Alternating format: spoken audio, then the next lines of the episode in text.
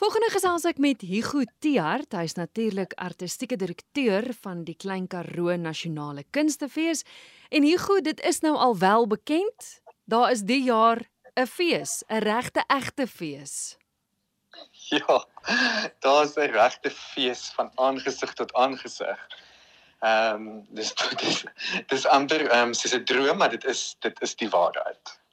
Mm, Daar's seker baie dinge wat in ag geneem moes word om te besluit, goed, ons gaan nou die stap neem en ons gaan weer 'n fees in persoon aanbied.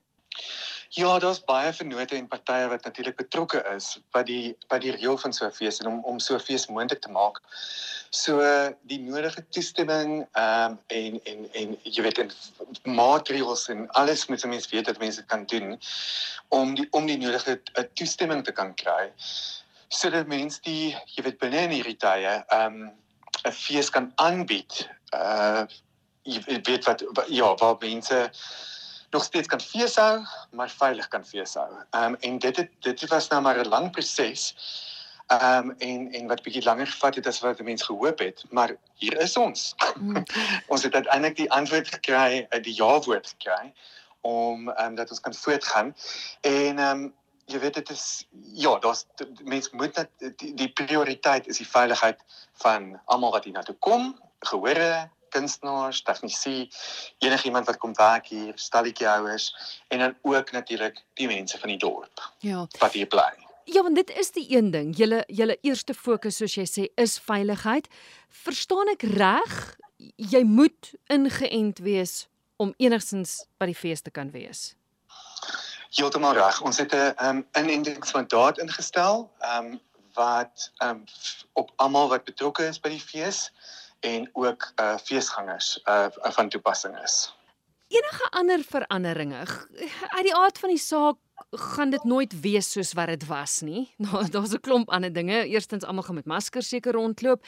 Is daar ander veranderinge wat aan die fees aangebring is of of gaan dit tog bekend wees? Al die bekende elemente is daar. Dit is net anders verpak. En die interessante ding is noodgedwonge ehm um, moet 'n mens anders kyk na dinge. Maar hierdie was 'n geleentheid vir ons om ek uh te eksperimenteer met dinge wat ons al baie lank oor gesels het binne die KAKNK oor venues wat ons graag sou wil gebruik of uh idees wat ons wil uittoets. En dis eintlik 'n wonderlike geleentheid. So die fees gaan anders lyk like, want dit is jy weet 'n mens moet uh weer eens ook die uitleg in die fees en wat mens gebruik. Ehm um, wil 'n mens wil, wil 'n mens uh, die fees so veilig as moontlik maak. So dit beteken ook om die venues uh, uit te uh, uit te sprei oor die hele dorp en ook 'n meer oop lig venues te gebruik. Uh wat natuurlik dit is ook deel van die Klein Karoo Nasionale Kunstefees se charme is die Klein Karoo en die beeldskoon natuurskoon. So dit is eintlik baie lekker om hierdie oop lig uh, jy weet hierdie oop lig venues te gebruik.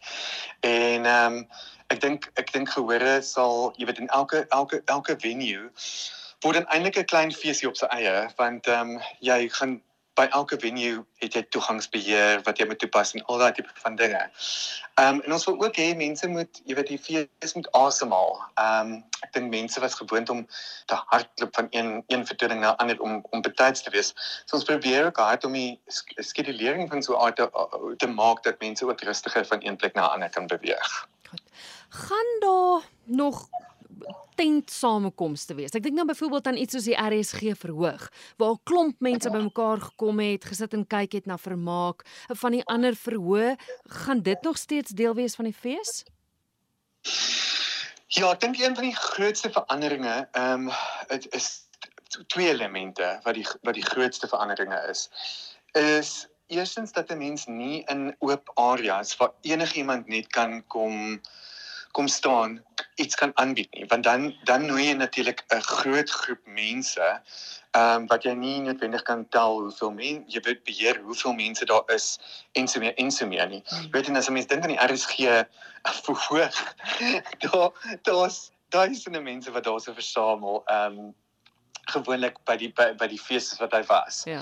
So mense kan nie meer ehm um, so daai dit daai tipe van verhoor sal skuif na ook 'n ook 'n area wat ehm um, jy weet wat wat wat toegangsbeheer kan toepas en ons gaan wel so so so, so een van die veranderings is dit dat ons nie strate kan toemaak nie. Ons het altyd dit was altyd 'n 'n kern gewees wat was die wat die baron van Rede straat wat toegemaak is. Maar ons kan nie dit doen nie want ons kan nie mense sien toe jy weet nooit nie. Ja. Ehm um, en mense kan dit ook nie beheer nie. So En die ander die ander groot verandering is is dat omdat ons nie die uh die, die ons ons gaan steeds 'n markte area hê met kosstalletjies en snysterye en handgemaakte ware en daar sal ook jy weet daar ons al vermaak wees en 'n feeslikheid maar ons kan byvoorbeeld nie ons het altyd deel van dit was ook dat ons die uh jy weet baie groot konserte gehad het in die aande in daai area dit sal ons nie meer kan doen nie dit skuif nou uh baie beheers uit na spesifieke venues um by die dorp. Dit is natuurlik 'n uitdaging want ons is op die oomblik op 'n 50% kapasiteit binne teaters. So um uh, jy weet binne is um sal ons by daai reël hou en uh ons sal ook die kaartjies uh, net binne daai perke verkoop. Ja, dis 'n groot kopskuif, maar dis wonderlik om te weet dat dat mense weer bymekaar kan kom. Die datums, wanneer moet mense hulle plekkies bespreek? Die datums, die fees begin in volle swang van die 29ste Maart um, en sal klaarmaak op Sondag die 3de April. En ehm um, ek dink dit is belangrik om ook te sê dat ehm um, die kaartjieverkope sal want ons is besig om nou alles te finaliseer en uh, kaartjieverkope sal einde Februarie beskikbaar wees waar mense kan intussen natuurlik verblyf bespreek en hulle self regmaak om ehm um, solank hulle hulle tripie te beplan. Ja, ek weet ek en jy gaan later in die maand gesels as die program bekend gestel is, want ek is nou skieurig om te hoor want daar moes julle seker ook ook planne maak en ook aanpassings maak of of nie so seer wat die program aanbetref nie. Nee nee, absoluut. Ek ek dink mense dink tog 'n bietjie anders aan die program ook. Ehm um, maar ek dink jy weet en dis ook nou 2 jaar wat verloop het. So 'n mens mens mens kyk aansienlik anders na dinge. Ek dink wat tog jy weet al die elemente gaan daar wees wat mense wil hê uh by jy weet by die KAKNK. Ek dink egter dat die uitdaging met dit is op die oomblik dat ons nie ek bedoel die daar's 'n program en dis nou nie om alles want mense moet so lank wag om dit vas te maak. Ja. Ehm ja. um, jy weet mense kon nie ons is ons is een keer direk kansellasie.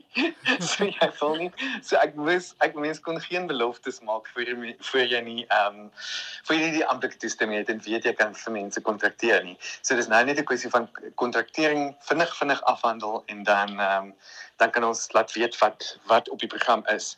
Maar ons probeer regtig jy weet die lekker ding is is dat daar jy weet daar sal debuutproduksies wees, maar daar is ook uh produksies wat byvoorbeeld nog nog nooit by die KAKNK kon speel nie wat byvoorbeeld daar sou speel in 2020, maar hmm. wat nie toe kon nie want die fees kon nie voortgaan nie. En daar's ook ja, so daar's ook baie tipe van bestaande produksies wat die gehore van Oudtshoorn nou ook ook sal kan sien.